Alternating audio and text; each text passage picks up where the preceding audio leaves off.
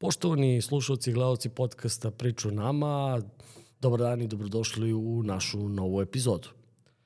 Pre svega želeo bih da vas podsjetim da se subscribe-ujete naš kanal jer na našem kanalu 80% pregleda dolazi od ljudi koji se nisu subscribe-ovali, a to je izuzetno bitno za naš algoritam na YouTube.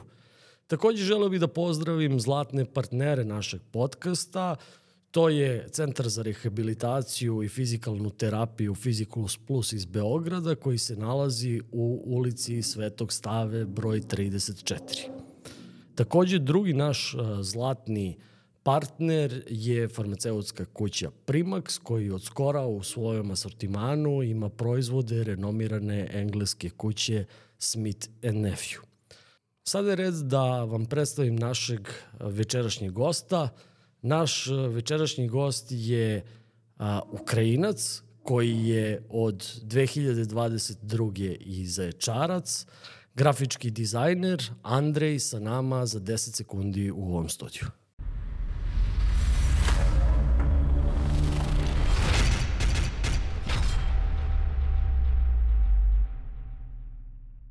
Ćao Andrej, kako si mi ti? Ćao Miloše, evo dobro, hvala. Kako se osjećaš u Zaječaru i kako ti se sviđaju zime u Zaječaru usled ovog zagađenja koje trpimo svi građani Zaječara svaki put kada počne grejanje? pa iskreno, prvi put kada je došao nisam mogu da se izbavim od osjećaja da sam na železnički stanici. pa slušaj, mnogi, mnogi imaju takav osjećaj, ili kao da su u železničkoj stanici, ili ono, izađeš napolje i vratiš se kući i kak šta god da kažeš ženi, ona misli da si bio u kafani. to je, to, to, to je sigurno. Ono, ono što, što je dobra vest za, za zečarce, ovom prilikom ćemo da, da, da im kažemo, da će jedan merač u, u realnom vremenu uskoro biti obezbeđen za, za teritoriju Zaječara. Ja mislim da će da će u dogovoru sa, sa omladinskim centrom da bude negde kod objekta omladinskog centra i gde će zaječarci u realnom vremenu moći da prate zagađenje vazduha tokom zimskog perioda. Mm. E, a sada da krenemo od onoga a, ko je Andrej, šta je Andrej, gde je rođen Andrej, a, koju školu išao Andrej, kako je Andrej postao grafički dizajner, podijum je tvoj. Hvala Miloš. Ovaj, ja sam bio rođen u Rusiji, u gradu Rezanj. Tad, to je bilo slučajno mesto, pošto moj otac je vojensko lico i tad je njemu trebalo e, zbog e, njegovog posla da bude tamo i tako da je pošao sa porodicom i majka trudna je bila tamo i tamo sam bio rođen ja. E, pa posle kad mi je ispunilo, napunilo se mislim tri meseca, tad sam pre, prešao na Ukrajinu i celi život sam proživao u Lvovu. E, Lviv to je grad na zapadu Ukrajini, kao što se zove kulturni glavni grad u Ukrajini. E, to, je, to je grad blizu, blizu granice Poljske, je li tako? E, I Mađarske, u stvari kraj, da, krajnji zapad Ukrajine. Taj rajon tog grada jeste, one graniče sa Polskom. Dobro, a koju si, koju si školu pohađao u svom rodnom gradu? Koliki, ajde, ajde prvo da nam malo opišeš sam, sam grad Lvov. Koliki je to grad za, za one koji, koji su prvi put čuli za taj grad? Koliki je to grad po, po veličini? A, da li ima sve uslove, odnosno škole, univerzitete, šta se sve dešava u Lvovu? E, jeste, to je jedan od najvećih grada u Ukrajini. E, on je e, mnogo lep arhitekturno, e, pošto je bio pravljen austro-ugorskim, e, mislim, austrijskim Austrijeva građala, to je grad je mnogo bogat zbog arhitekture, jedan od najlepših grada u Ukrajini. E, ima oficijalno na to vreme kad sam ja žio imao 800.000 stanovnika, e, a čak i više pošto glavni grad pa dolazi ljudi. E, I Tako da... A kaži mi, zapad Ukrajine, ili po tim austrijskim uh, uticajem, uh, da li ima dosta katolika tamo ili su i dalje uh, većina čini pravoslavni hrišćani? Ne bi mog da to kažem, pošto uh, do sad nisam pratio ko, ko je katolik, ko je pravoslavni kod nas. To nije to obična priča za nas. Kao, ali postoji crkve i jedno i drugo. I jedno i drugi. Da, ali klasična, klasični svi e, slave, oni idu kao po kalendaru pravoslavnomu. Znači previše pravoslavci, tako je. Više ima pravoslavaca. Da. E, a, ja sam jednom imao a, slučaj da kad sam bio na skijanju pa sam, pa sam se na, na, na ski liftu vozio sa, sa nekim ljudima iz, e, iz Ukrajine, ispostavit će se iz Ukrajine i onda sam čuo da pričaju jezik koji mi je onako, ajde da kažemo, na, na uvo. I onda sam ih pitao, pitao sam ih da li su Rusi, znaš. I oni su mi rekli ne, ne, ne, kao Ukrajinci, a ja sam na to njima rekao, ma dobro, to je isti đavo. I kad sam to rekao, dobro da nisam završio dole u snegu sa korpe. Znači, a, onako, onako su se uvredili i, i jedan i drugi. A, istorijski neki natpisi kažu da, da, da i Rusija i Ukrajina, odnosno i Rusi i Ukrajinci potiču negde iz Kijevske, iz Kijevske Rusije. Uh -huh. kroz, kroz istoriju. A da li ono što vi učite kroz školu, interesuje me kak, kako, vi to, d- kako vi to vidite, da li su Ukrajinci i Rusi e, poreklom od jednog naroda, da li su jedan narod ili ne? Kako vi to vidite kao Ukrajinci? Mm. Dobro pitanje.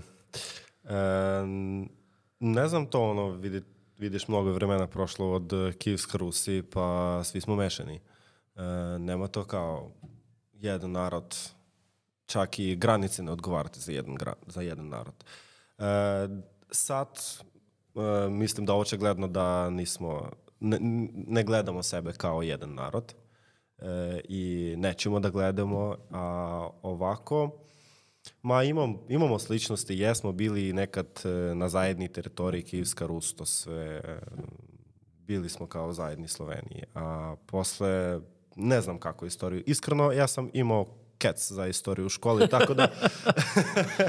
tako Dobro, da... dobro, dobro u, su, u suštini ono, ajde kažemo ono što je, što je, neka, što je neka bliža istorija, bliža istorija je da, da je Kijev, da je odnosno da je Stalin pripojio ukrajinsku teritoriju, odnosno aneksirao teritoriju Ukrajine i da ste tad bili pod Sovjetskim savezom do raspada Sovjetskog saveza, neki 97. ja mislim da je zvanično potpisan sporazum između Kijeva i Moskve i da je tada priznata da je tada priznata Ukrajina kao, kao država i od strane Moskve. A, ono što, što, što je interesantno, koji ste vi školu išli u Lvovu? U škola, znači srednja škola mi je bila, pa, to je bila engleska škola, pa koja je posle nastala gimnazijom, tako da završio sam gimnaziju. Znači, učio si odno, na engleskom jeziku si učio? E, Ili se učilo na ukrajinskom jeziku? Zašto se Ne, se englesko? učilo na ukrajinskom jeziku, ali imali kao dublju programu za engleski jezik. Aha, aha. Tako da preko desetog e, razreda izlazimo i pričamo engleski svi slobodno. Aha, dobro. I a, posle, posle te škole, posle te škole nastavljaš na, na fakultet, tu je onako jedna anegdota, zašto si uopšte upisao fakultet? Taj fakultet koji si upisao. E, prvo ja sam išao na arhitekturu. E, Dobro. Znači, pošto či, e, sviđalo se meni ono crtanje, sve to. E, hteo da budem dizajnerom. Na dizajn nisam bio uspešan e, na fakultet, a na arhitekturu je došao, ali nisi mi je zasviđalo. I za pole godinu razočarao se totalno i uzimao svoje dokumente i rekao čao.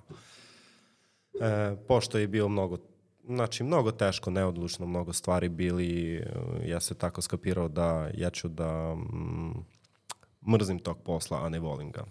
I posle ja sam, a posle trebalo da ne idem u armiju, da imam neki fakultet, pa pošao za neki manji institut ekonomike i turizma, e, gde se učio na mm, ovaj management za restoranni deo.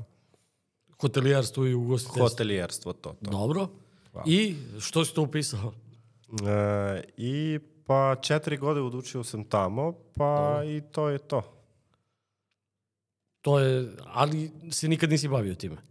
Hotelijarstvo. N- nisam ni bavio, pa nisam ni uzimao svoj, e, svoju diplomu. Ona se ostala meni tamo u institutu, ja znam gde ona, tamo ona je sigurna. Sigurno čuvaju je za da, tebe. da. Eto tako. Pošto znam da neće mi biti... Nis, ono, bez veze skroz, tako da kažem. Dobro, uh, rekao sam u najavi emisije da, da si grafički dizajner. Tako. A kako si se, odnosno kako i kada si se prvi put susreo sa, sa grafičkim dizajnom i kad, kad si krenuo da, da, da crtaš i kad si shvatio da je u suštini to tvoj poziv i da, da ti se to sviđa? E, poziv sam imao od ditinstva, mislim, e, bio sam osam godine imao tad, e, da mm, rešio da ću da postanem dizajnerom. Nisam bio, nisam teo da budem grafičkim dizajnerom, htio da budem dizajnerom automobila, ali onako treba da se počinje sa nečeg. I tako mm, pokušao da idem negde, da tražim negde posao, kako da naučim, što da radim, da mi neko pokaže, da otvori taj nivo sa dizajnom i nekako je došlo, mm, išao sam na firmu neku, reklamnu agenciju koja je pravila svaki, svaku reklamu. I, ali nisam postao tamo dizajnerom, tamo mi rekli dali mi posao kao menadžer za prodaju i ja sam kao tipičan prodavalac e, nudio ljudima naše usluge. Nisam bio uspešan, za nekoliko meseci ni prodao ni, jedno, ni jednu stvar, ali za to vreme sam dobro naučio gde nalazi svaki štampare e, koji izdaju produkciju, proizvodi, sve to.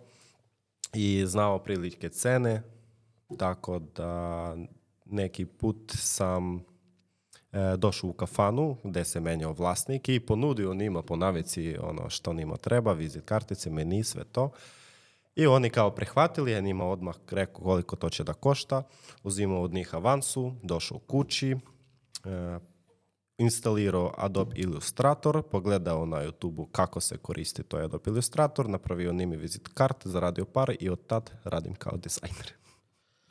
Znači, a, tvoj, put, tvoj put je di, dizajnera je takav da si prvo ugovorio posao, a onda si seo kući i video u čemu treba da radiš posao. Tako je bilo. a ugovorio si ga kao da znaš u čemu radiš. U, u, principu, u, u principu nisi ti tako loš prodavac, čim si njima prodao priču da, da, da, da znaš da dizajniraš. Pa kad, kad idu pare kod mene u džep, tad mogu da prodajem. A za drugo i ništa? Čini se tako. Dobro. A, u Adobiju si nastavio da radiš. Da. A, to ti je bio prvi posao. Šta, mm -hmm. se, šta se posle toga dešava? Ti si krenuo da, da radiš po, po Lavovu za, za, za restorane i za ugostiteljske objekte, da im radiš dizajne. Pa prvo radio bilo šta, bilo komu šta treba. I tako krenuo. Nekako pola vovu, nisam reklamirao sebe, ljudi pričali ljudima za mene i tako da je došlo do restorana industriji, pošto kod nas grad je turistički i mnogo razvita je kod nas restorana industrija i sve to. I tako je došlo da sam na kraju bio mnogo poznat za restoranni dizajn, za grafički dizajn restorana, restoranni branding i sve to. Koliko si otprilike uradio? Uh, Jel imaš neku predstavu koliko, koliko dizajna si uradio za, za restorane u, u Lvovu? Nemam predstavu, pošto ne računam, ne računam s, e, svi poslove osim uspešnih, koje ja računam za sebe uspešnih, a, tako da imam neke portfolio. A kako, raču, kako računaš da li je posao uspešan ili nije uspešan? Da li sviđa se meni ili ne. Da li se tebi sviđa? da. Dobro, to je pouzdan kriterijum, a? Pa da. I koliko imaš uspešnih poslova u... Mm, ja ne pamtim, otprilike možda oko deseti. A, a kaži mi, kako su se, kako su se kretale cene za, za te usluge koje, koje si radio u restoranu? Mm, na osjećaj. Na osjećaj? Da. Ali kako se generalno kreću cene u Ukrajini? Što, što se toga tiče? Što se dizajna tiče? Što se tiče marketinga? Jel, jel to postoji? Mislim, kod nas je to onako malo problem kad čoveku kažeš da treba nešto u marketing da uloži, on te pita i kaže, malo te ne te pita šta ti je marketing. jel je tako i sa dizajnom ili...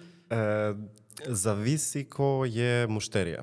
Dobro. E, ako to je firma koja je sigurna šta je identika, šta je brand, kako treba da se razvije, tad e, to je drugačija priča, tad postoji neki, neka prosečna cena i ljudi nekako sigurni je koliko to će otprilike da košta.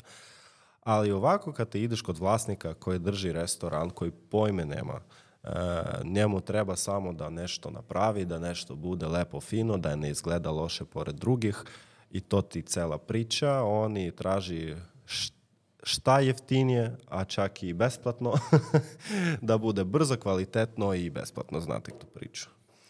I dugo sam- Iako može za juče. Da, to za juče obavezno. To, pa direktno tako i kažu. Dobro. I pa tako nekako i radio 8 godine. Ne bi rekao da mnogo baš sam radio pare na tome, pošto... A, a je teško uopšte ubediti ljude da, da im je potrebno to? Mislim, pričam posebno te, ajde, ajde da kažemo da, da neke a, zemlje na zapadu cele e, uspesi tih velikih kompanija su zasnovani na, na njihovom marketingu. Ovde, što se tiče te, ajde da kažemo, istočnjačke malo a, filozofije, ovde kao da još uvek nismo ni shvatili ni potrebu, ni značaj ni dizajna, ni marketinga, ni brenda kao, kao takvog. Ali imaš te, je takav, je takav dojam i u, i u Ukrajini ili, ili Pa opet, je drugačije. opet zavisi od mušteri. Neko zna, neko ne zna. Zavi, ako čovek je se interesovao za to nešto, tada on zna. Ako to je, na primjer, neka žena koja ima 50 godina, drži taj restoran 30 godina i treba njoj da se zameni logo, dakle, ona će zna šta je to njoj. Ona tačno zna što njoj treba i točno zna da nje na cilj je ušteda pare. I ona ima mušterije i njoj ne treba reklama. To. A tako? A, a što, što se tiče, jesi njima radio cele brand kitove ili si im, ili si im radio samo dizajn, logo, logo firme, da li si im radio recimo možda dizajn izloga, dizajn takvih nekih stvari? Dizajn menija, Najčešće to je bilo samo logo, meni i možda neki flyerovi ili banerovi. A jesi to, e, kad si radio sa njima, je to bilo, uklju, ti, ti si organizovao i štampu i Da. sve? Da, da, da. Od e, A do Z, znači sve. I na kraju ja sam donosio Pa, pazi, sad si zečarac, sad pričaš od A do Š. Nije Od A do Š. Od A do Š, nije od A do Z. Zato sam rekao na engleskom, pošto vi nemate to. Nama je Š zadnje slovo, znači od A do Š. Tako da znam. E, a, kaži mi, kad, kad si počeo da, ajde, da, da radiš i, i taj dizajn, da li, je, da li si krenuo i sa nekim freelance platformama ili si samo radio uslužno po, po Kijevu? Mm, ne, nisam radio sa platformama ništa. Dovoljno mi je bilo mušteri ovako na... A kako si, kako si portfolio pravio svoj? Pošto, pošto posle toga krećeš u neku priču... Uh, Portfolio sam pravio u internetu. Na sajtu Behance. aha. Tako. Ne, ono čisto mi kao, kao portfolio, online portfolio, biblioteka, ništa drugo. Tvojih radova do sada. Da. I kad odlučuješ u principu da šta se dešava? Uglavnom svima je, svima je prekretnica neka, neka godina korone. Da li je to bilo slučaj i sa tobom? Što, što se tiče posla? Pa jeste, korona zatvorila svi restorane i uopšte nisam imao neko vreme posla. Tako na početku 2020.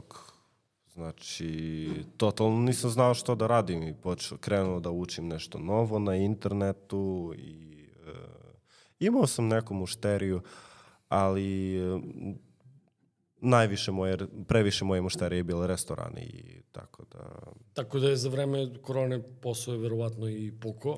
E, smanio se dosta, tako, deset puta mislim. E sad, jesi ti krenuo na internetu da tražiš posao ili je posao našao tebe? Kako, je- kako... Ne, odmah krenuo da tražim posao na internetu. si? Da.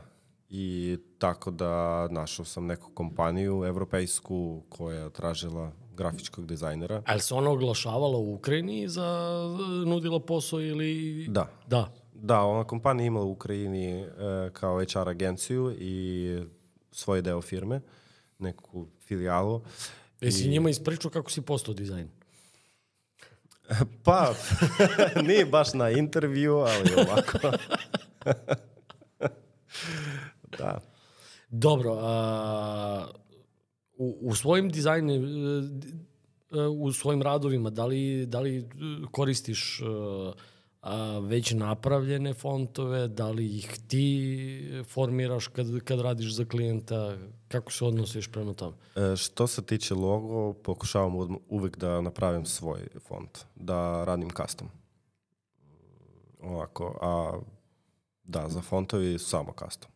Dobro, a, e, mene, mene sad interesuje, a, krećeš da radiš za, za firmu koju, iz, koje je zemlje firma za, za koju krećeš? Iz uh, Talina, Estonija. Talina iz Estonije. I sad recimo, ko, koja je red veličine primanja bio ko, u firmi u kojoj si ti krenuo da radiš? Zarade. E, pa krenu sam od 1000 dolara mesečno i od ta, tako je bilo. Dobro, i koliko, koliko godina si za njih radio? Jel Možeš da izdvojiš neke projekte na kojima si za njih radio? Da E, nam ispričaš nešto o tome. radio sam tri godine sam sa tim firmom. E, baš e, počeo sam kao grafički dizajner, e, završio za tri godine kao head dizajner, pošto je imao dizajnera e, za kojeg sam bio odgovoran. I tako da to. Na kojim ste projektima radili u, u firmi?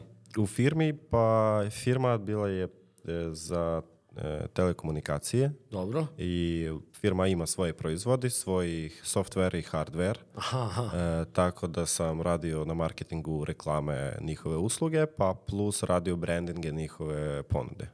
U suštini to je, to je IT firma koja, koja ima svoj produkt i koja je u suštini od tebe i posle ekipe napravila in-house rešenje za, za grafiku. Ajde da kažem.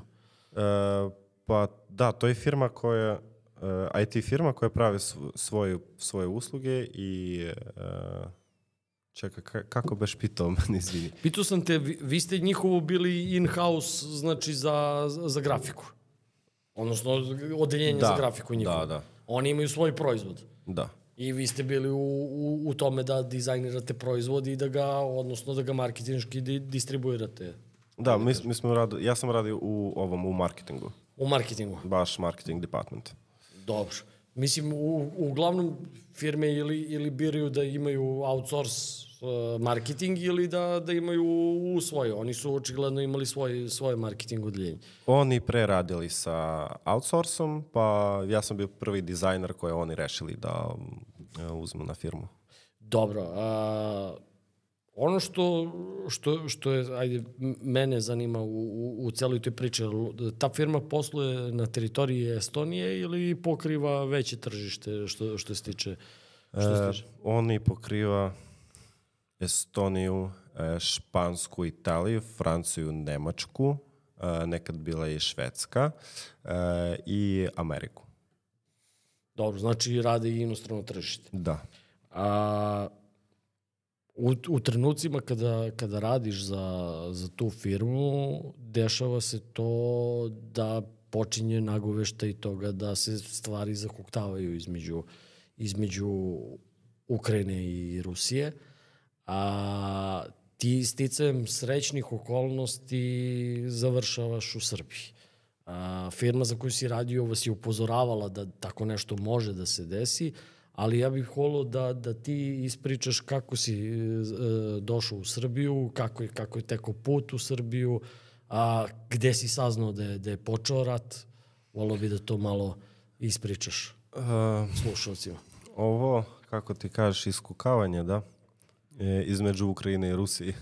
Zakuvavanje. Zakuvavanje. E, to zakuvavanje je već desilo i trajalo osam godine i pre. Nije to bilo zbog, za mog posla na firmi.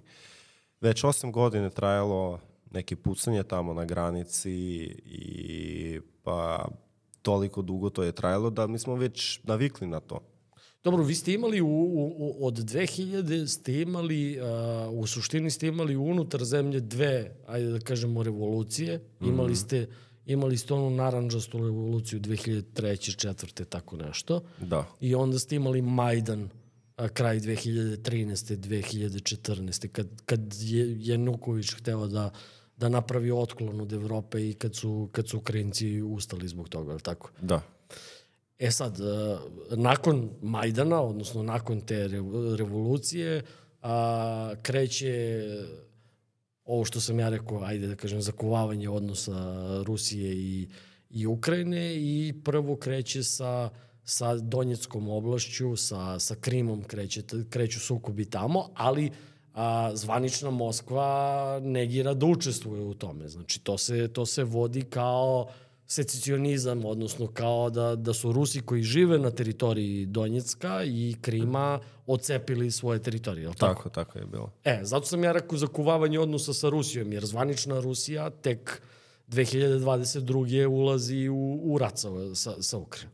Uh Mhm. -huh. Zato, zato, sam te, za- zato sam rekao da tad kreće zakovavanje sa Ukrajinom. A jeste, sukob, sukob kreće dosta ranije, da. Se, 7-8 godina pre toga. osam godina trajalo.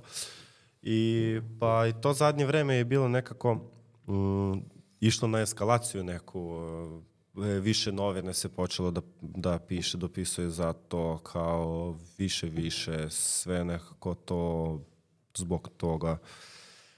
I pa Jel se osjećalo da će e, u Ukrajini da... e, Jesi verovao ti da može da se desi da dođe do, do direktnog vojnog sukoba između Ja Rusije nisam. Ja nisam. Ja sam mislio da to sve tamo se i završi na, na istoku Ukrajini, gde bude tamo gde je Donjesk, gde Lugansk, gde... Ja sam mislio da nima samo to treba. Ne bi mog da pomislim da to tako stiže. Uopšte nikako. Ali su upozorenja stizala sa svih strana da je to moguće da se desi. E, ma, nije bilo upozorenje. Pazi, bilo tako da ljudi među sobom nešto pričali. Aha, aha. Nikakvo upozorenje nije bilo. Uopšte, da- ja mislim da 99% Ukrajinca nije bilo odlučni za ono što krene. Nije verovalo da će tako nešto se Možda ne 99, ali veća većina. Dobro, a, ti u tom nekom periodu a, si rešio da, da dođeš u Srbiju na dedin rođendan, tako? E, to je bilo... E, znači, ja sam na poslu, trebalo meni da idem na godišnji odmor Dobro. i nisam znao, nisam dobro planirao, nisam imao gde da idem. E, ono, džabe, ja uzmem taj e, odmor i da sedim nedelju kući. Da, to si mi pričao da si razmišljao da li ćeš kod oca u Poljsku, da li ćeš ovamo. Da, hteo negde da idem i tu kao e, piše mi sestra kao da dedin rođendan ili sestra ili majka, ne pamtim tačno, kaže dedi ti s- e, uskoro stiže 95 godina, ja mislim, jao, 95 godini. A, ja sam bio tu u 2019. Već mi put je poznat za, za Zaječar, tako da se odlučio da ajda. A i nisi imao nekog izbora koliko, koliko se sećam ja kro- kroz neki razgovor koji smo pričali, a, a, jedino je Srbija bila zona u kojoj si mogu bez vakcine da odeš. Jeste, ni- nisam bio vakcinisan, to, to je bila prilika isto, pošto znaš kako je bilo na granicah i ja nisam znao što da radim. I tako da, da, ono, samo Srbija iz svih iz svih e, zemlja, samo Srbija je bila zelena zona. Svi ostali naranđasta ili crvena.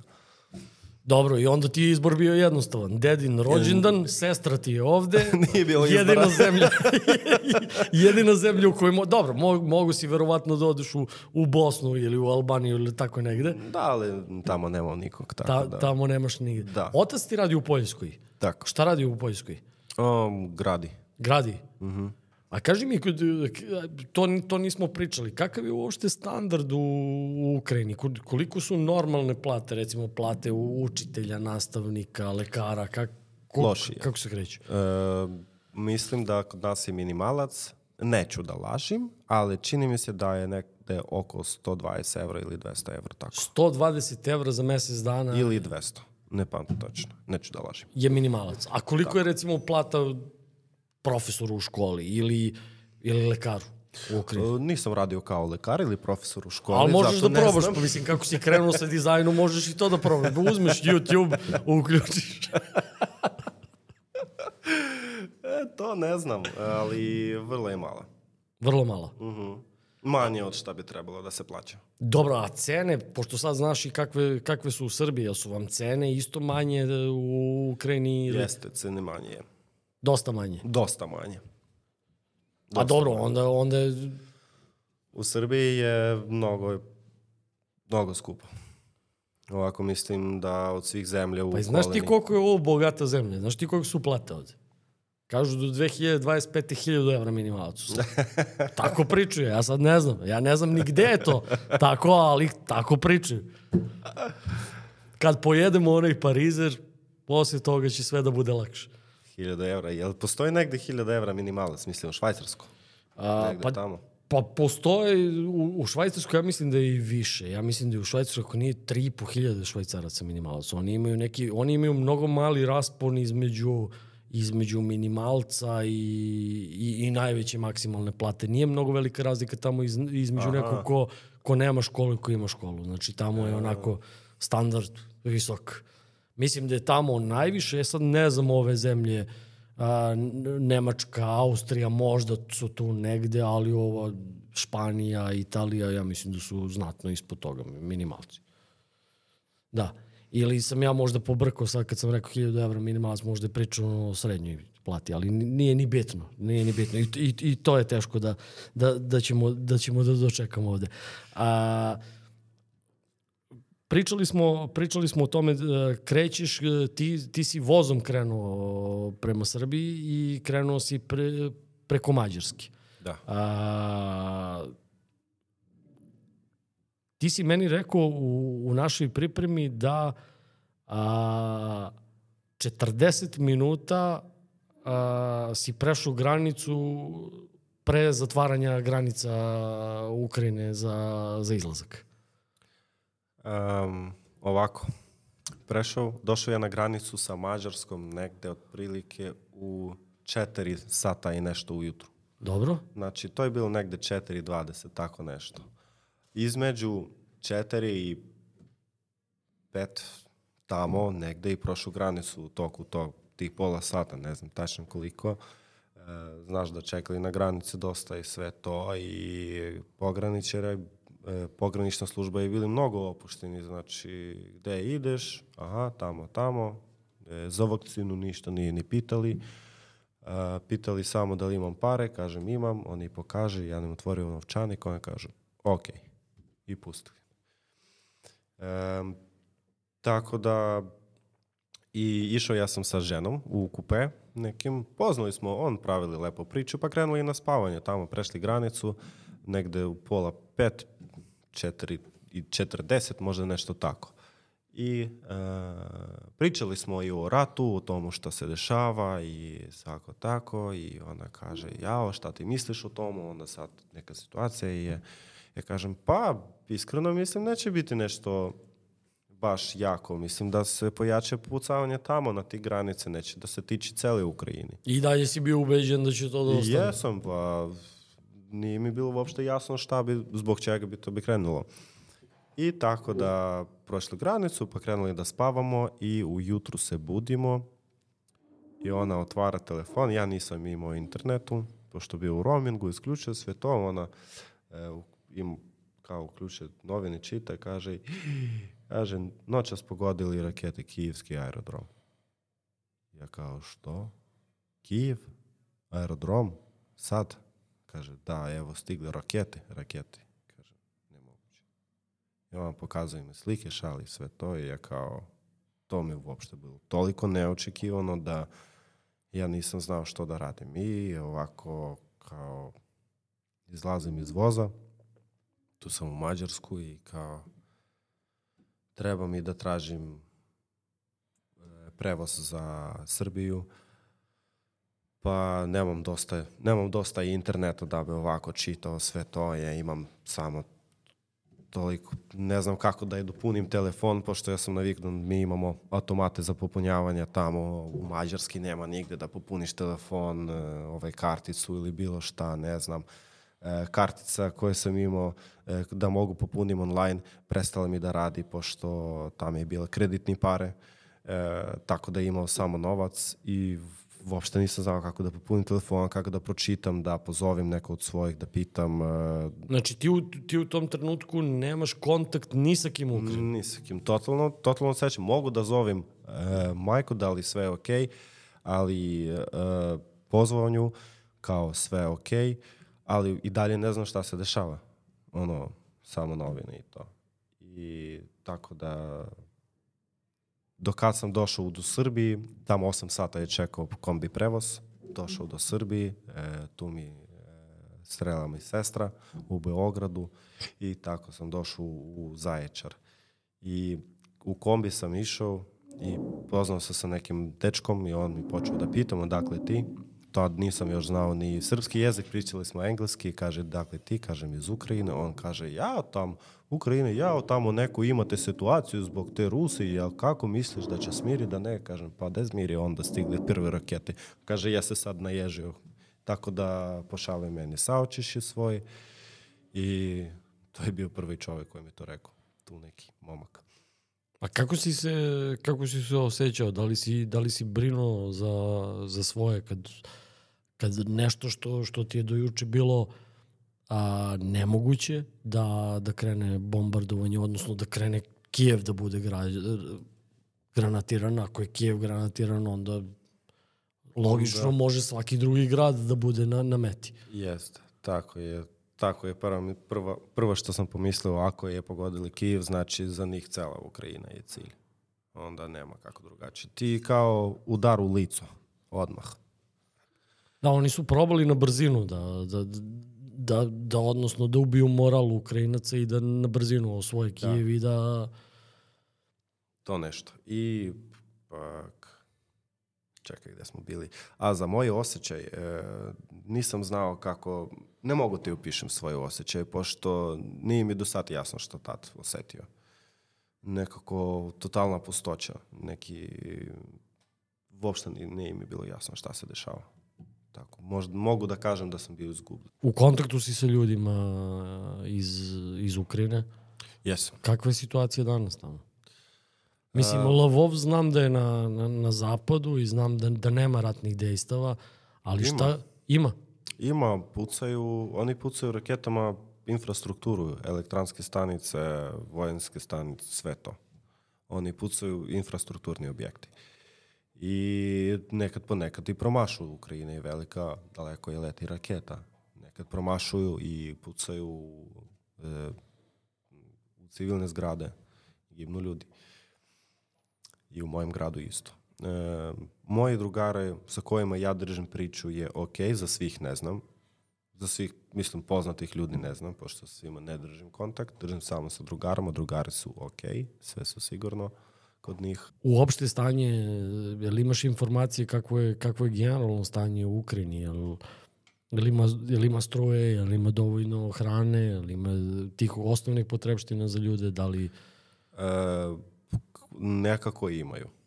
Nekako imaju, ne svima je dostalo, ali e, radi nešto na to. Znam da ljudi tamo bori se. A šta kažu ljudi za, za delove gde, gde su bile baš borbe? Je li je to sravljeno sa zemljom? Kako je, je li je ostalo nešto od tih gradova tamo? Mm, neki gradovi uopšte fizički više ne postoji. Znači, sravnjeni sa zemljom, bukvalno. A, Nema ni cigle na cigli. Ajde sad da, da, da, da malo a, ono što, što, što je definitivno, in, e, ne mogu da kažem interesantno, ali, ali je fenomen ovih nekih novih ratova koji, koji se dešavaju a, po svetu, je da, da ti više u suštini ne možeš da otkriješ šta je istina. Mm -hmm. da, da u 90% slučajeva ima dve strane koje su totalno suprotno izveštavaju sa, sa fronta. U ovom, u ovom slučaju imaš Rusiju koja izveštava na jedan način i imaš Ukrajinu i zapadne a, medije koje izveštavaju na drugi način i to ide dotle da su a, na zapadu zabranjeni a, ruski mediji, da, mm. da ljudi ne mogu čak ni da čuju ni da vide šta, šta Rusi pričaju, a u Rusiji zabranjeni zapadni mediji isto ne mogu da vide. A, koliko misliš, odnosno koliko je ono što, što se vidi u medijima i što se čuje u medijima različito od onog što se, recimo, što ti imaš informacije da se zapravo de, dešava u Ukrajini?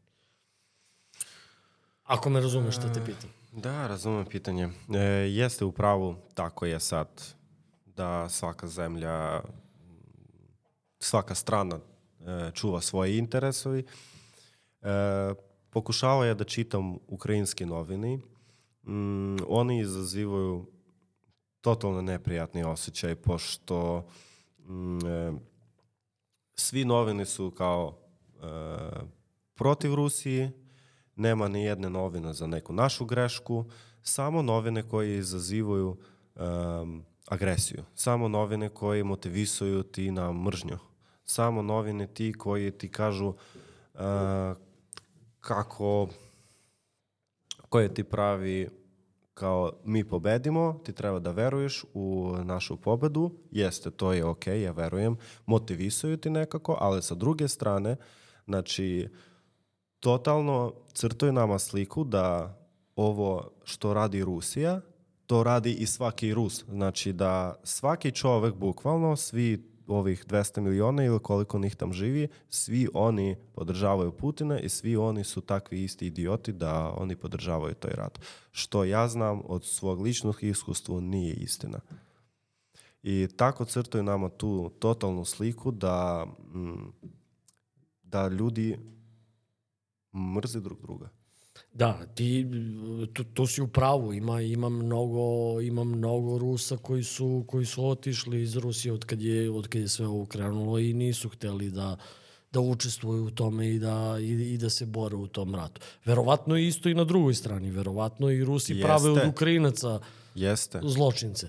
Jeste, tako je. E, a sad ti meni, ajde, ajde objasni, ti si, ti si žive u Ukrajini. Mi smo stalno dobijali te neke izveštaje o nekom fašizmu u Ukrajini, o, o Azovu, ovim odredima, da su to fašistički odredi. Ko, koja je stvarna priča sa, sa, sa tim, o, o tome? Jel stvarno su kroz, kroz gradove Ukrajine marširali neki odredi da ne smeš da izađeš iz kući i tako dalje? Ne, to nikad nije se desavalo to nikad nije dešavalo i ono, meni je bilo čudno da čujem to ovde od ozbiljnih ljudi, znači da kao kod nas postoje neki fašisti, sve to. Mož, ja već počeo sam da mislim možda ima, ako tolik, tolik, tolika većina ljudi priča da ima, ali ja nisam u životu njih vidio. I a, nisam zatvorac. Znaš, pričam sa ljudima, izlazim napolju, vidim šta se dešava. I znam koja, e, koja slava ide u mojem gradu, e, ne slava, koje, e, kao, koje imić ima moj grad, uh -huh. da mi smo banderivci, f, ono, fašisti neki možda ponekad, nije to bilo nikad. Nikad nije bilo, mnogo laži ima i nikad nije niko u našem gradu m, ništa nije rekao ljudima koji dolazili i pričali ruski. To je isto mif da kod nas mrzi e, ruski jezik i sve to. A kakav, kakav je bio suživot? E, mi, mi smo u suštini, a Srbi su prošli Golgotu na, na, na, više strana i, i ratovali, imali smo i mi, mi imali smo, u stvari, imali smo građanski rat 90-ih na prostoru bivše Jugoslavije, gde je a, više naroda na jednoj teritoriji a, tadašnje Jugoslavije živelo u miru, u slozi, bilo je puno mešovitih brakova, sve je bilo okej. Okay, I to je buknulo odjednom, ovako je buknuo rat. Kakav je suživot bio Rusa i Ukrajinaca u Ukrajini a, pre nego što se to desilo? Jer Rusija sa jedne strane a, kao povod za, za, za napad, odnosno oni to zovu a, vojna operacija u Ukrajini, oni ne zovu rat, a, a, na, a, za napad na Ukrajinu oni a, kao povod koriste to da su Ukrajinci ugnjetavali a, Ruse koji žive na teritoriji Ukrajine, odnosno da su oni branili svoj narod u, u Ukrajini. Koliko tu istine ima u celoj priči? E, to je zanimljiva priča, pošto pazi, kod nas mm, Ukrajinac i Rus iskreno nikad nije volili drug druga. Uh -huh. Iskreno nismo. Mm, e, uvek je bilo neke napetost među nama. Između Ukrajine i u istoriji imali dosta povoda da imali neke, znam, pre ono, svetskog rata, posle neskog, svetskog rata je dešavali neki sukobi bili među nama. Ali ovako, ali da kod nas, e, znači, da bi mi bili ovako protiv, kako da to kažemo ovako, Pola Ukrajine priči ruski jezik.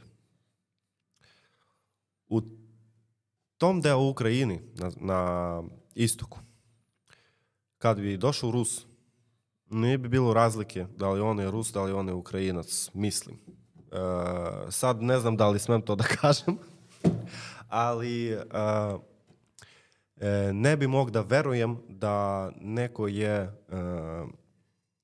smetao Rusima na našoj teritoriji. Pa to uopšte, ja uopšte ne mogu da i, po, i ponovim šta sad ti pitao meni, pošto meni totalno zvuči nekako kontraverzno. Nekako... Nije, što?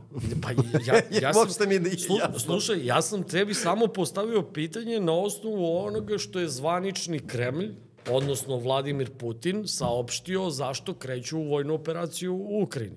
Oni su krenuli u vojnu operaciju u Ukrajini u odbranu ruskog naroda na teritoriji Ukrajine. To je bila priča koja je... Koja Oni, oni pošalili svoj narod sa, a, sa automatima na našu zemlju, koji njihov narod počeo nas da puca i taj narod iskreno treba da se štiti od naših vojnike sad, koji, koje oni pošalili sa automatoma, da neka i njih štiti. Stvarno. Dobro, a majka ti je ostala u... Otac ti je i dalje u Poljskoj ili se vratio za, za Ukrajinu? E, dolazi ponekad u Ukrajinu kada ima o, odmor od posla, on je penzioner, tako da neće, neće da ide za službu. A, majka se ostala na Ukrajini, Kako je ona? Mm, ona je okej, jedino što smaraju nju novini, to je teško da živiš u takvom, kad si ti između tih novine. E, kad ti Kad tebi- čitaš i jedno i drugo i... kad čitaš od jutra do veče da ti treba da mrziš ti ljudi. I tako da, A ono što je meni e, negde ostalo u, u nekom našem razgovoru, ona a, se na teritoriji Lvova starala o, o nekim izbeglim licama, licima koji su došli sa, sa, sa teritorije istoka. jeste kod nas svi pomagaju. Svi pomagali pošto, zamisli si, velike grade je srušeni totalno. Znači, ljudi dolaze i sa životinjem i sa decom i prosto i nekad ponekad ti treba samo noć za noćenja, a neko uopšte više nema svoju nekretninu. E, pa jeste pomagali, svi ko mogli pomagali i bili organizani socijalni centrovi gde ljudi mogli da živu i sve to. E, znaš šta, ja, ja se kao, uh, ja se sjećam kad, kad sam bio dete i kad je, kad je bilo to, uh, to bombardovanje ovde, kad je NATO bombardovao Srbiju, a, interesantno je bilo da, da za vreme bombardovanja NATO a, nije bilo bolesnih. A, kaže da su bolnice, moji, moji rade u bolnicama, kaže da su bolnice bile puste, da se niko nije javljao da je bolestan, da za, za, vreme, za, za vreme NATO bombardovanja, ali to je neki period koji ja pamtim da smo možda poslednji put a, bili ljudi. Odnosno da smo, a, da smo bili tu jedni za druge i da smo bili socijalna bića. Posle, posle tih nekih događaja nekako mislim da smo se svi ovde u Srbiji udaljili jedni od drugih. Da smo tad bili onako zajedno i uvek tu jedni za drugi i družili se i to kad, kad je bilo, kad je, kad je bilo problema, odnosno kad je, kad je Srbija bila bombardovana. Da li se to isto sad dešava i u Ukrajini u tom smislu da, da su ljudi homogeni i da su tu jedni za druge u, u tim teškim trenucima? E, jeste. Jeste, osim, e, mislim, što stresa. Tako da se ljudi spojedinili mnogo. Nisu bili toliko spojedinjeni kao što pre rata, ali ima i ljudi koji pod stresom i koji, sa kojima je mnogo teško. Ima i to. A da li ti je neko od tvojih prijatelja, rek, rekao si da, da koliko znaš da su svi dobro, ali je neko završio na frontu, je neko u vojsci? ili- Jest. Jest. Ima takvi. I ok je za sada sve sa njima. Ma, neki okej, ne, neki nije više tu. Neki više nisu to. Neki koji si poznao.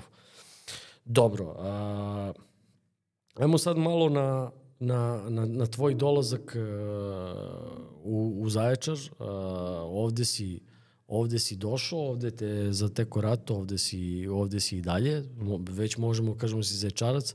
A, sa, a, pazi, koliko si ti ovde već?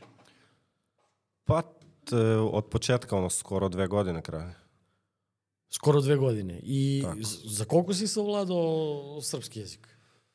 Pa mislim da krenu da pričim negde za tri meseca, tako nešto. A, e, a ovako mogu, mogu, krenu da mogu da izjasnim svoje osjećaje i emocije, mislim, za godinu dana. Pa sad mi je jasno kako si ti postao dizajner i kako si savladao Adobe, ako si srpski jezik savladao za, za, za, za, za tri meseca, iako mi, iako mi ovde pričamo i razumemo se posle mogu da ti kažem da, da, da pričaš i, i da upotrebljavaš neke, neke oblike reči bolje nego, nego što to rade Srbi. ali, ali a, kako ti se sviđa Zaječar? A, E, Zaječar je super. Super i u odnosu na drugi gradove u Srbiji koje sam bio, a gdje si sve bio? pa bio sam Niš, Beograd, tako negde dolazio. Leskovac, mislim, gde još? Bor. E, Zaječar je stvarno fenomenalan grad za mene. Ja sam čuo da si mnogo. bio i u Pirotu kad je bilo ono is, is, iskakanje one cisterne i... Jesam bio, neko, bio i ne, po neko, mi je, neko mi je rekao da si bio i u Pirotu. Bio. Istina je. Dobro, a... Kako ti sviđaju ljudi? A, možeš da mi napraviš neko poređenje između, između Srba i Ukrajinaca? Mm, Po mentalitetu. mogu da kažem između Zaječaraca i Ukrajinaca. Između Zaječaraca. i Ukrajinaca. Dobro. Tako da utanačim to. E, em, meni se čini da ovde ljudi su bolje prijetni, e, bolje humanistični, bolje otvoreni prema drugima e, i izmeđusobno. Nisu toliko, nisu toliko konfliktni kao što kod nas. E, bolje, da, da kažemo, duševni ljudi je ovde. Meni se čini tako. A kako su te primili ovde ljudi? Pa lepo primili, zato to kažem. Lepo su te primili. Ajde. Da. A, sa kim se družiš ovde? Ili, ili imaš među drugarima i, i Srbe e, ili su tu neki Ukrajinci koji, koji su još došli u Zaječar? Sa kim si u kontaktu ovde? E, Pa, e, Ukrajinca sad, mislim, nema u Zaječaru takvih sa kojim ja družim, a generalno sa Srbima družim. Sa Srbima se družiš. Da, I Srbi su te dobro prihvatili. jest, I super. k- kako ti se sviđa hrana u Srbiji? U teška je za mene.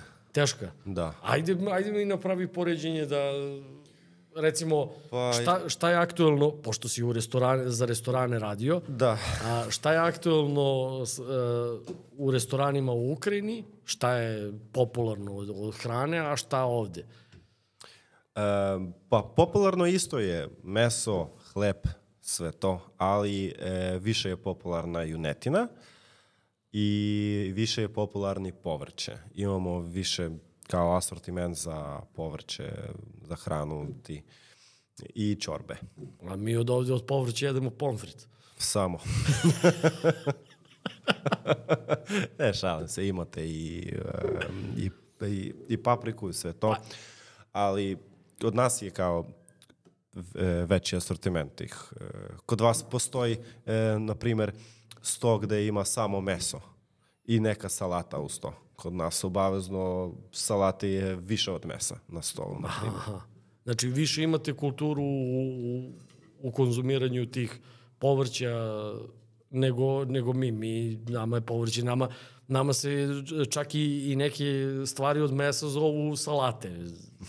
Mislim, realno, samo da ima mesa i da, i da su što veće porcije. Kako ti sviđaju veličine porcije u Srbiji? Ja, u, to za dva puta više šta bi trebalo čoveku, mislim. Pa dobro, ali ja mislim da je to i, i za nas isto, previše. E, pa, ko na što naviko? E, Srbi, ovde ja vidim, vi ste kao genetički je neki veći ljudi. I tako da imate dobar taj građevinski materijal koji konzumirate. Pa, ovde se bogato jede, bogato se i pije. E sad, uh, po, pošto si posetio neke uh, restorane i, i kafiće, u, kako su brendirani? Brendirani. Aha, jesi zapazio, zapazio brendiranje i jel ti se sviđa kako se u Srbiji brendiraju lokali ili bi to dosta menjao?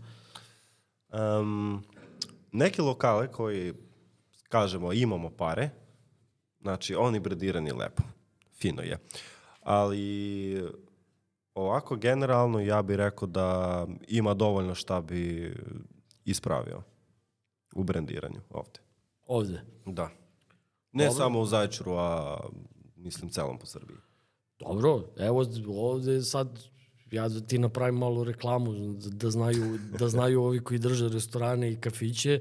Čovek koji je specijalista za, za brendiranje lokala je je ovde u Zaječaru, možete da ga kontaktirate, nađite nas, mi ćemo da vas spojimo, pa ako hoćete da, da rebrendirate svoj posao, da napravimo malo, malo reklamu što, što, što se tiče toga. E, hvala. A, šta se dešava kada si došao ovde, šta se dešava sa, sa tvojim poslom, jesi, jesi u istoj firmi, šta se povodom toga dešava? E, do avgusta još e, radio u toj firmi, pa pa posle sam malo iskorio na poslu i tako da sad sam u toku promene posla. Još uvek tražim nov. Ja sam imao goste koji su pričali o sagorevanju, što se kaže, ili, ili, ili burnoutu. Kako je to izgledalo kod tebe? Kako je došlo do, do, do burnouta, odnosno kako je došlo do toga da do, do neke tačke pucanja i kad si rekao dosta? Mm. Pa desilo se tako da kod nas je bio en- intenzivan period na firmi i trebalo da posao se radi brzo, mnogo i nije bilo obavezno da bi bio kvalitetan, baš kvalitetan, pošto svi su razumeli zbog deadline-a, ali ono, ja zbog svojih ličnih razloga ne mogu da pravim nekvalitetno i ja sam pokušavao da stignem da sve to uradim i kvalitetno, i brzo i mnogo. I tako da sam došao do tačke kuvanja, do tačke za kuvanje gde sam razumeo da ono, više meni je teško, ono, počeo da gubim fokus, sve to i pokušao da uzmem neki godišnji odmor, a baš krenuli intenzivno vreme na poslu i kao meni otkazali u godišnjem odmoru, pa tako da sam uzgorio. A kako su, u suštini ti si i, i kad si bio u Ukrajini i ovde si radio remote, odnosno radio si, Da. od, od kuće si radio. A, a, je li firma imala neki softver za, za praćenje tvog radnog učinka? Si imao neki ček kad, koji uključiš neki softver pa te oni prate koliko radiš ili si imao voljno pa deadline-ove za, za određene dizajne pa koliko radiš, to je tvoj izbor. E, Kako je bilo? Bili odlučeni, odlučeno vreme za posao, ali nije bila kontrola nikakva. Kontrola ti bila preko četa, znači kad mi pišu ja moram da odgovaram. Uh, ima odlučeno vreme za taj posao i pa sve ostalo bilo kao na poverenju. Znači, odgovorni su ljudi Dobro, ti si odgovarao verovatno za neke rokove, imao si neke deadline-ove kad si morao da završiš posao, tako da, da, da, da su u, u, u, u suštini su to bila neka prolazna vremena koje su ti merili. Mislim da moja firma je dobro ra- razumela da ovake kontrolisanje neće biti, uh, kažemo, ekološki dobro za tvoje emocionalno stanje. Dobro, za ekosistem ljudi koji rade u firmi. Da, ne bi bilo prijetno, na primjer, meni da mene neko kontroliša i mislim da firma to zna. Svaka čast njihovom managementu, oni je bili super. A, to, je, to, je, to je dobro da se čuje. A, inače, a, dizajn je kreativna grana. Da.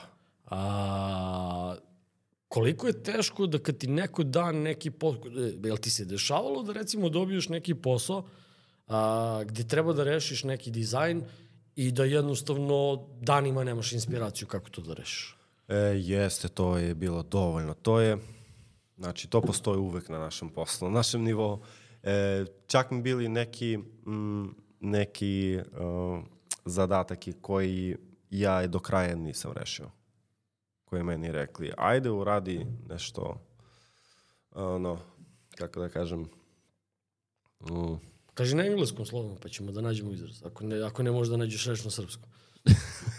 pa izgubio i na engleskom, čekaj. I na engleskom si izgubio. Da, e, pa uradim vam nešto ovako, netačno, neprecizno. Aha, Znači, v- i, Kao skicu, skiciraj nešto pa da, da vidimo.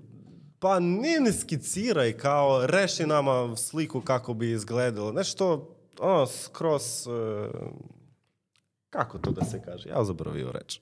Bajkovi. Ne mogu ti pomognem, jer, jer pazi, nemam pojma šta hoćeš da kažeš.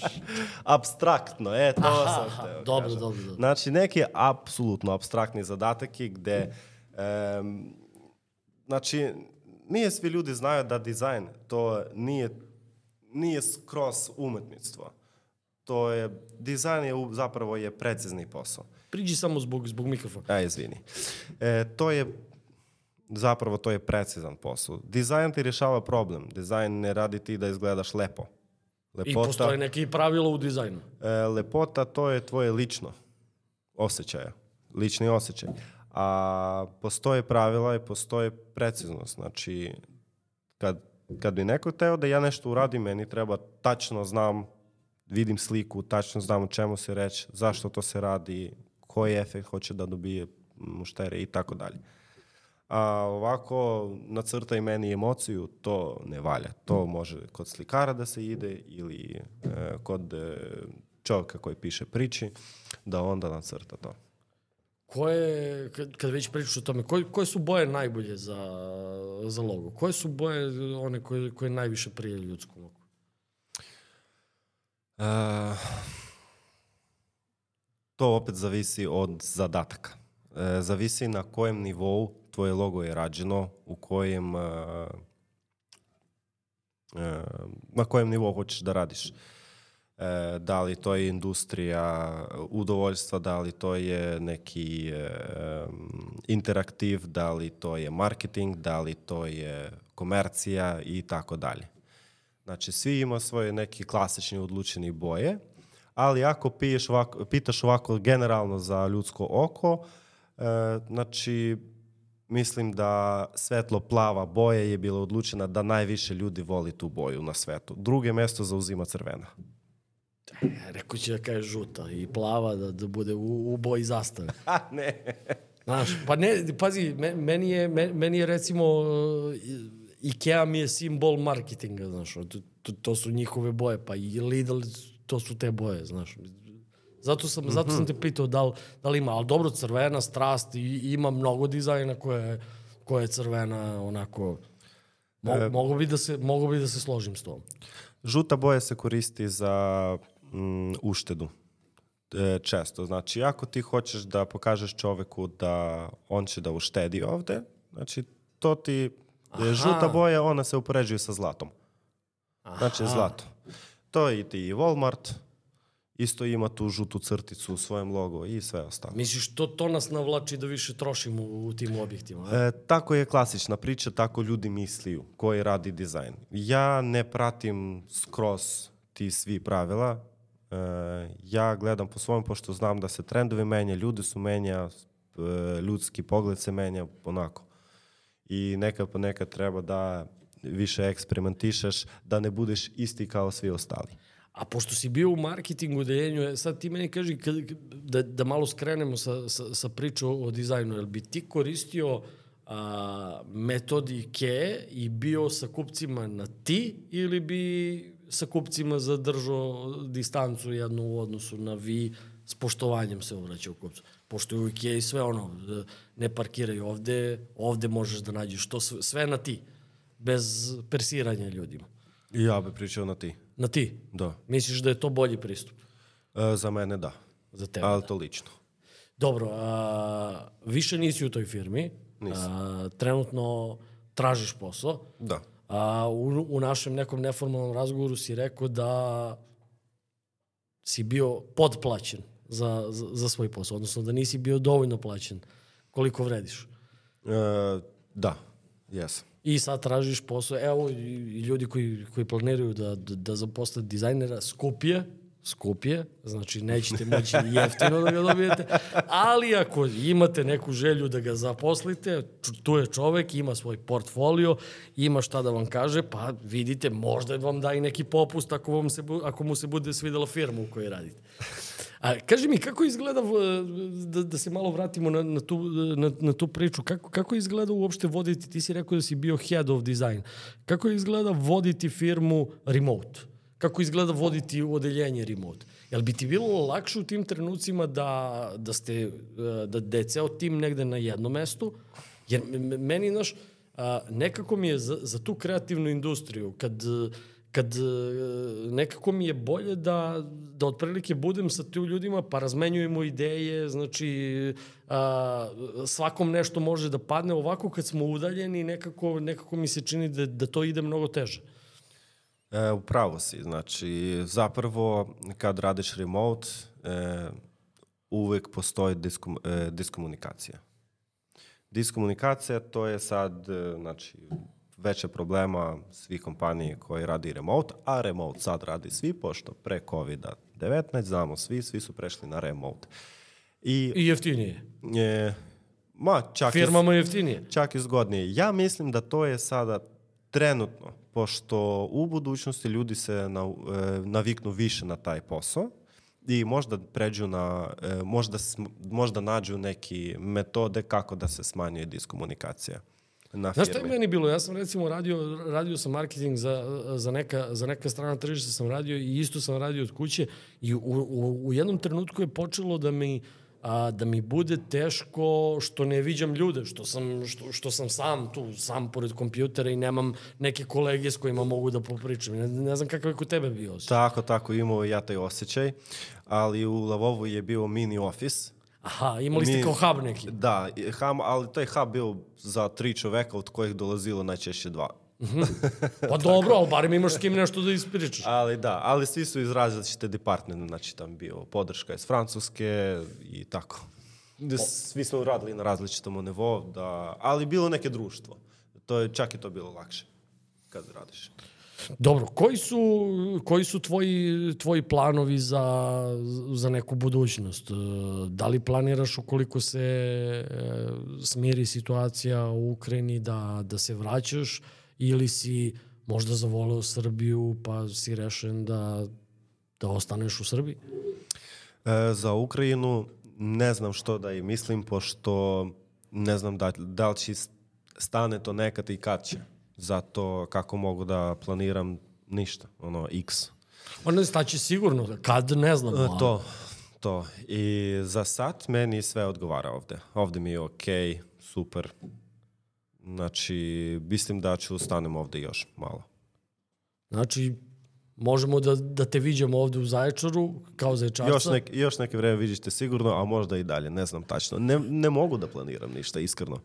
Dobro, a, planovi što se tiče što se tiče posla su ti tražiš trenutno posao, nastavit ćeš da se, da se, da se baviš dizajnom. Da. To je, to je verovatno opredeljenje.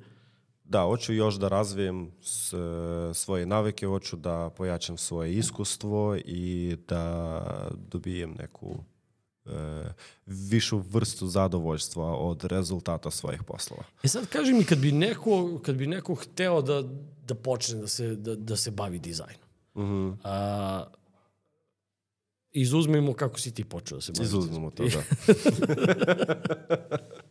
znači, a, šta bi savjetovao nekim mladim ljudima koji, kojima je, ajde da kažemo, dizajn pasija, a, koji su najbolji programi za, za dizajn, od čega da krenu, pa možda imaš i neki tutorial koji bi im savjetovao da, da, da, da pogledaju. Znači, na YouTube-u ima predosta materijala. E, zapravo, što treba ti da radiš dizajn, ti treba engleski jezik. Dobro.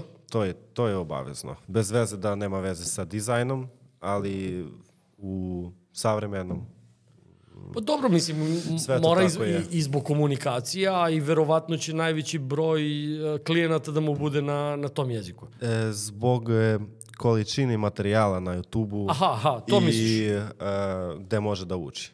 Pošto najviše se uči na, najviše materijala je na engleskom i na ruskom jeziku.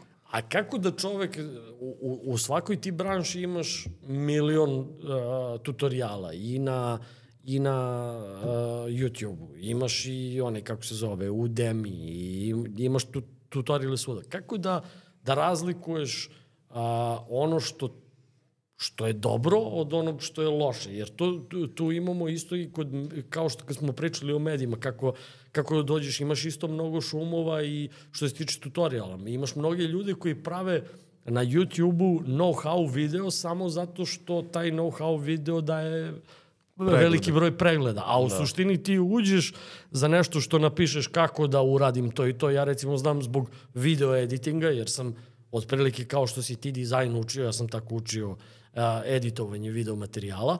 I, I onda uđem nešto, a u stvari ne dobijem informaciju koju sam tražio u naslovu i koja piše u naslovu. Mm -hmm. Kako to da razlikuješ? E, to samo da moraš da, ne izgubiš, da tražiš. Mislim da ne izgubiš, jer, jer možeš da izgubiš masu vremena, možeš da, da izgubiš na traženju. Da, da, da. To Pa to po svojemu osjećaju, to treba da tražiš. Ovako, da nađeš svoje tutoriale koji tebi najviše odgovara. Ja, na primjer, tražio neki tutorial gde čovek e, troši na intro ne više od 3 sekunde. Znači, kad čovjek više od 3 sekunde, e, dobar dan, danas hoćemo da radimo, pa ti si napisao pod video šta ćemo da radimo danas, zašto mi to ponavljaš? Tako mi je bilo nekako. Znači, šta duže je intro kad tražim neki direktni tutorial. Uh, i... Hoćeš da bude odma u glavu, odnosno da pređe na stvar. Da, da ne smara, ono, da ne lije pa ne, vodu. Pa sad, sad ti imaš i ono, krene pa objašnjava uzrok zbog čega to radi, pa onda imaš deo za sponzore, pa to, deo za ovo, pa mislim dok stigneš do... I na kraju ti taj deo koji ti treba bude u volki, ali nekad ni ne dobiješ informaciju. I na kraju ti sediš i klikaš i tražiš taj deo od 10 minuti, tu jednu minutu koja ti kaže šta ti treba. Jeste, jeste. E, to je najveći problem. Ali ovako kad nađeš, na primjer, svog kažem, blogera ili bilo kog, od kog hoćeš da se učiš, e, onda... Onda se drži njega i ne menji. to.